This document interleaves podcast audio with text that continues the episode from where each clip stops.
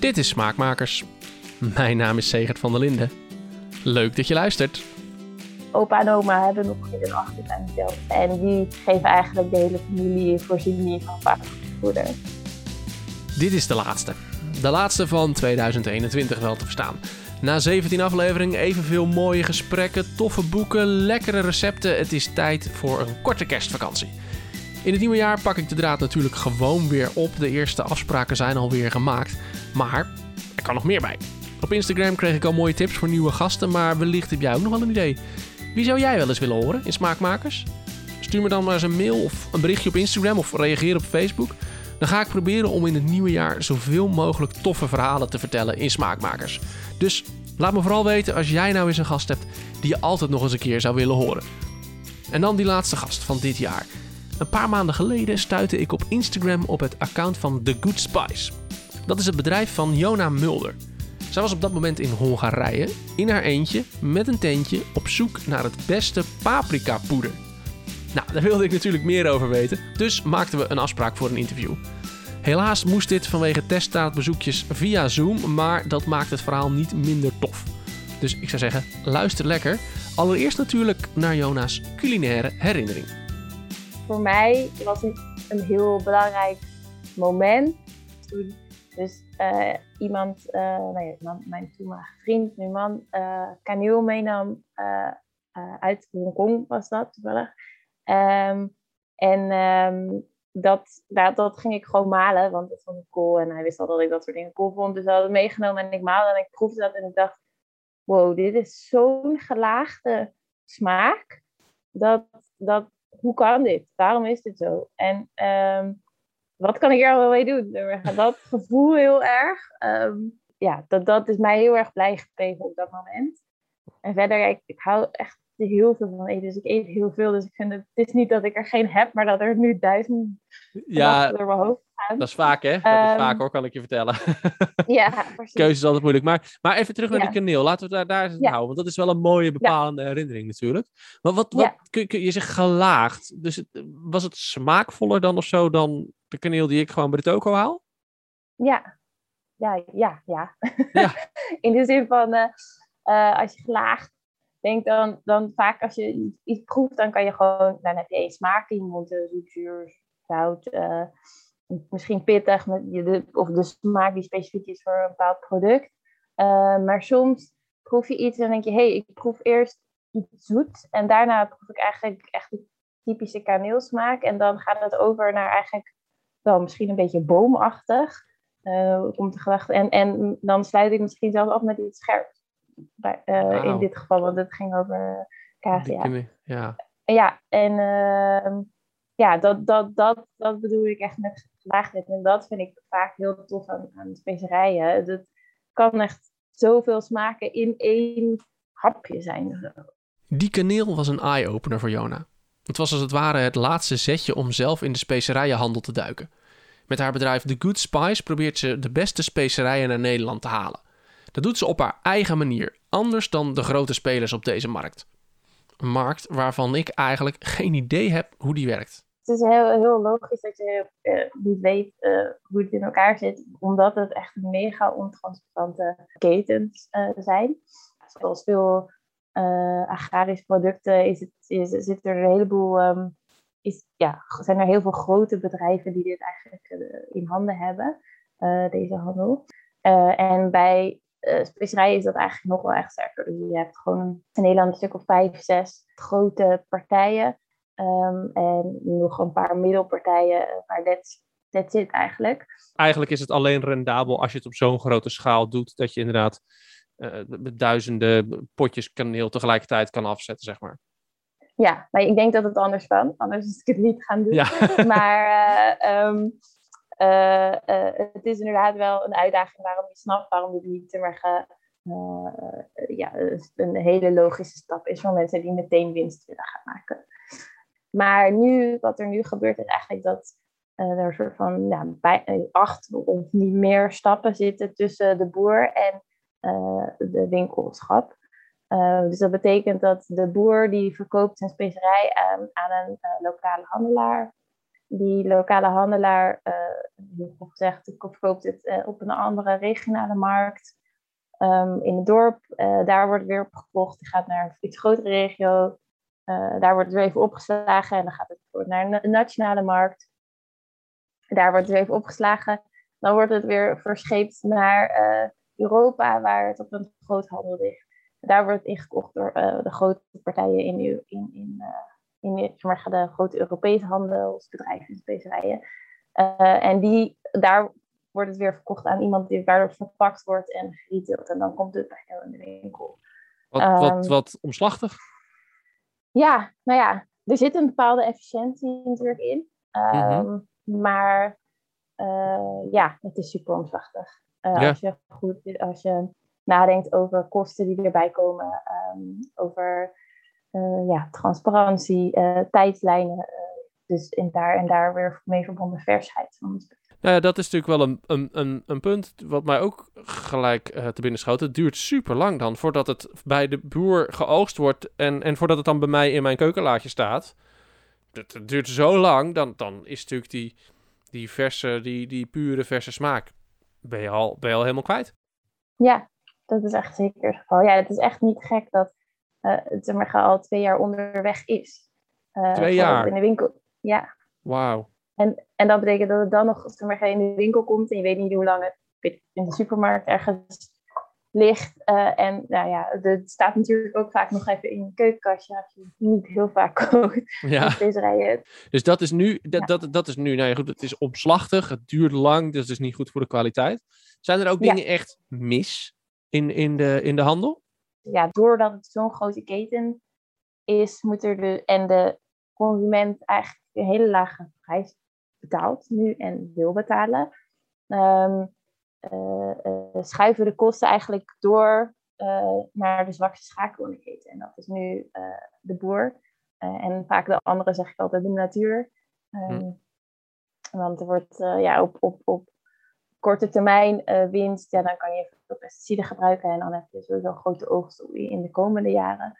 Um, dus dat levert meer op, maar op lange termijn zorgt dat ja, voor lagere opbrengsten en lagere kwaliteit dat zie je echt heel erg sterk. En ik ben echt af en toe nog gechoqueerd dat ik met commerciële partijen bijvoorbeeld een keer praat. En dat je denkt, ja, die, die kopen gewoon in voor 2 euro per kilo.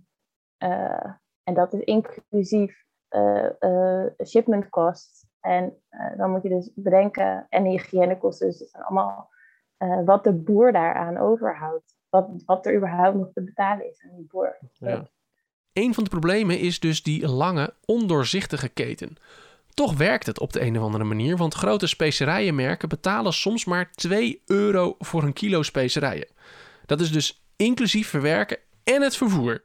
Natuurlijk verschillen die prijzen per gebied en per specerij, maar laag is het zeker. Zeker als je hoort wat Jona betaalt per specerij. Nou voor de kaneel betaal ik uh, voor het rauwe product bijvoorbeeld uh, 1 als ik het goed heb, 1,75. Dus dat is nog heel weinig. Ja. Uh, dus ik betaal dat aan de boer. En ik betaal uiteindelijk 15 euro aan, mijn, um, aan de partij.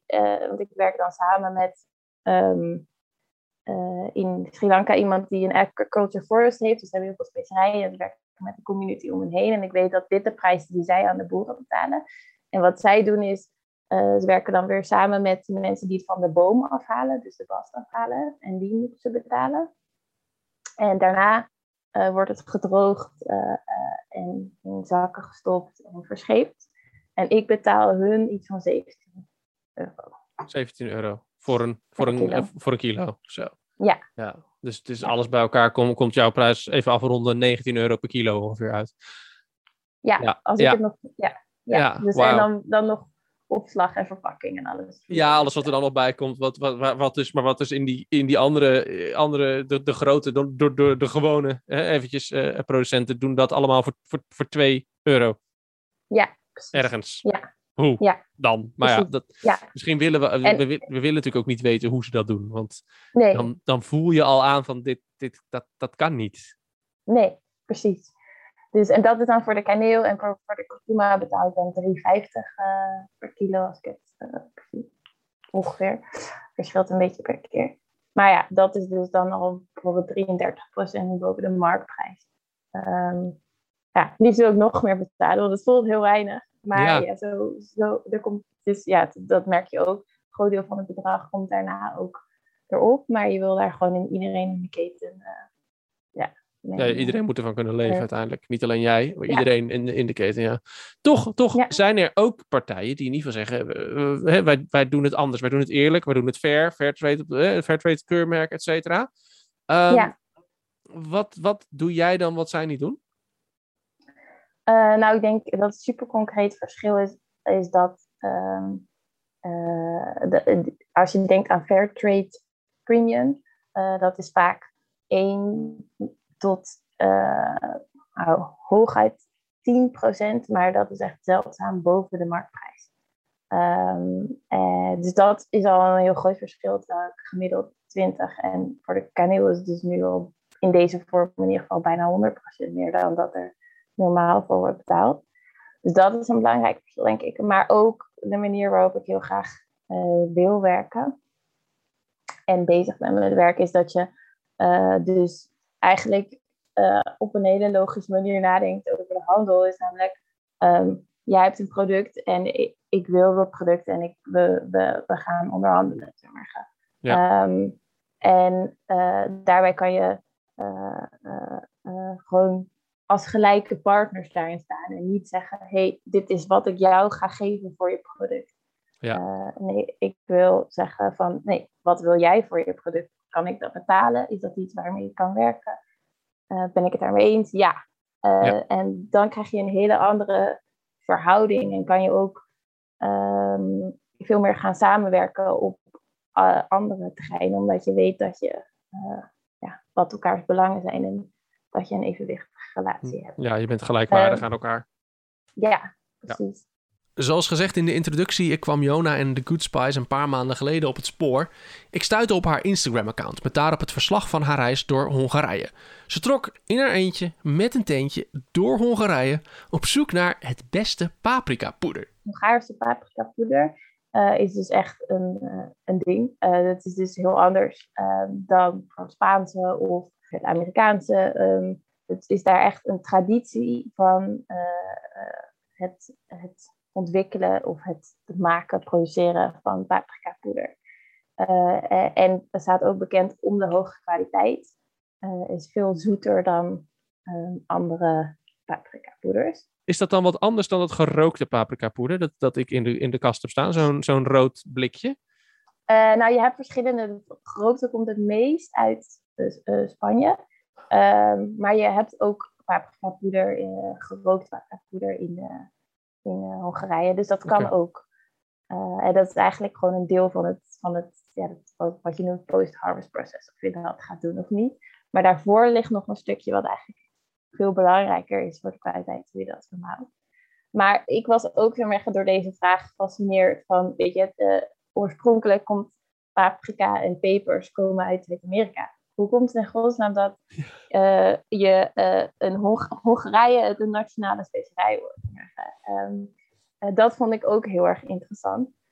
En wat ik ook wist is dat ondanks dat het heel lang de Hongaarse paprikapoeder als een kwaliteitsproduct bekend stond, dat het wel minder aan het worden was. Um, en ook dat je het minder ziet. Dus dat ik ook dus ik was heel nieuwsgierig van wat, wat is daar nou aan de hand, hoe ze begonnen en hoe het verder gaat. Dus ja, ja, je hebt daar gewoon paprika, ja, je hebt er gewoon ja, de boeren opgezocht, de fabrieken bekeken, het, het ja, ja, Wat, wat, kwam, wat kom je daar dan tegen? Ik had eigenlijk van tevoren, dacht ik, dat uh, die, die afname zou komen door massaproductie in eigen land. Um, en dat, dan kom ik daar en dan merk je meteen, nee, dat is helemaal niet het geval.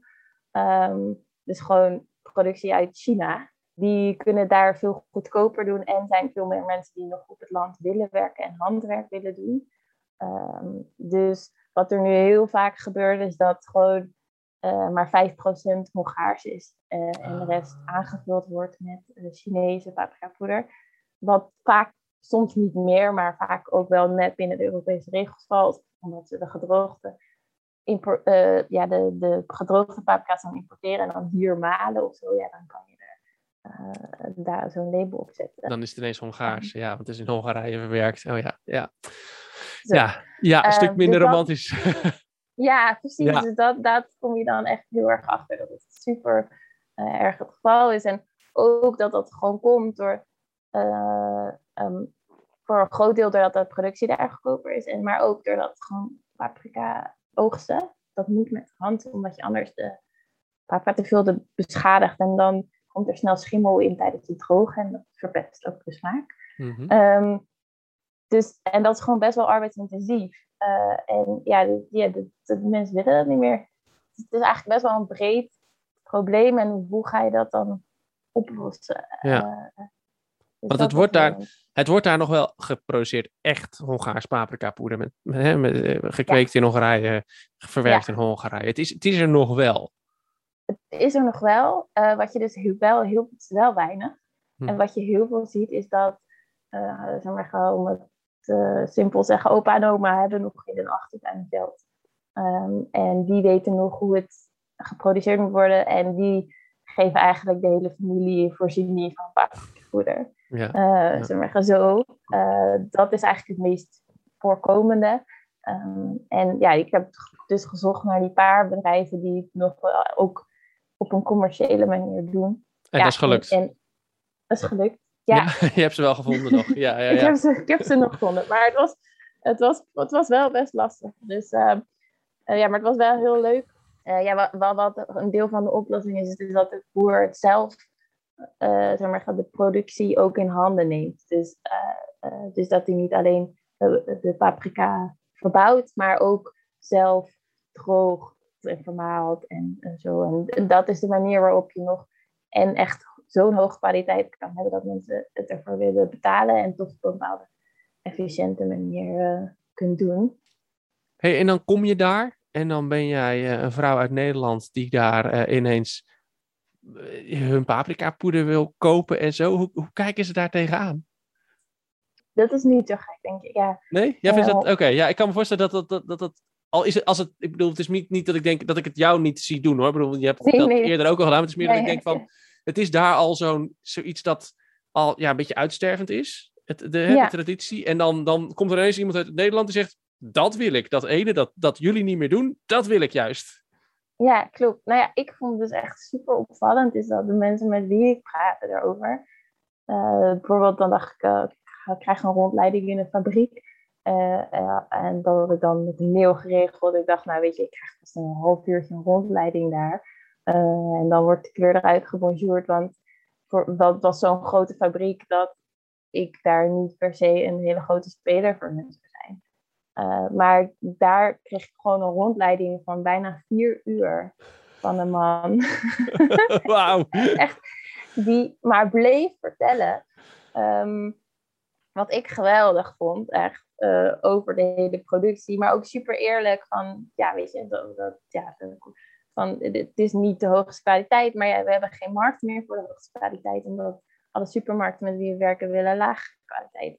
Maar ook gewoon over de hele geschiedenis en hoe je vader daarmee betrokken was en whatever, het ging maar door. Dus je merkt hoe erg het nog een passie is van mensen. En hoe graag ze eigenlijk over willen vertellen. En hoe leuk ze het vinden als er iemand langskomt die geïnteresseerd erin is en het waardeert. Dus eh, dat, dat heeft mij echt heel erg ook verbaasd. Eh, datzelfde geldt ook voor, ook voor een vrouw die dan een, eh, wel een productiebedrijf heeft, maar ook historica dus was, eh, is. En ehm, dan zelf een museumpje heeft gebouwd eh, naast haar bedrijf. En een boek heeft geschreven over de geschiedenis van paprika. En daar heb ik ook echt drie uur ben ik daar geweest. En eh, bleef maar ja, vertellen ook over haar vaders rol tijdens hoe zij tijdens de Sovjet-Unie ging, maar hoe het nu ging en ook hoe hoe de oplossingen zag. Dus het was gewoon echt, dat was wel tof. Wat vet Ja. zeg. Ja, wat vet. En heb je je doel bereikt ook? Heb je een partij gevonden waar jij mee in zee kan gaan? Eh, ja, ja, ik vond het. eh, uiteindelijk heb ik drie, eh, drie partijen waar ik samples. waar ik dacht, nou, hier zou ik misschien wel mee willen werken. Ehm, en ik dacht, ik vind het ook wel heel leuk, want ik, heb natuurlijk, ik ben super bevoordeeld, want ik heb al die mensen ontmoet. En, en ik heb een eigen specifieke smaak. eh, ehm, dus ik heb toen een, met een kleine groep van uh, 13 mensen een tasting gehouden om te kijken van wat vinden zij er nou van. Nou, dat was sowieso al echt heel erg leuk, omdat je dan en het verhaal kan vertellen wat je allemaal hebt meegemaakt. en mensen het verschil kan laten proeven met paprika die je nu in de supermarkt koopt. En dan ook nog een beetje kan laten zien van oké, dit smaakt net iets anders doordat ze dat net iets anders hebben gedaan of het een andere variant is. Of, en dan gaan mensen ook echt het product zelf proeven. En daarin denken, hé, hey, dit is iets uh, aardser en minder zoet. En dit is uh, iets scherper. Of, nee. Dus dat, dat was echt heel tof. Maar eigenlijk uh, was het gelijk uh, spel tussen twee. twee boeren, dus dat was heel leuk. Dat was één, waren één, ja, helaas echt een afvaller. Mm. um, en daarin uh, heb ik uiteindelijk gekozen ook op basis van hoe, die, hoe een bepaalde boer ook werkt en ook echt bezig is met regeneratieve landbouw. Dus mm. de grond nog rijker maken. Ja, ja.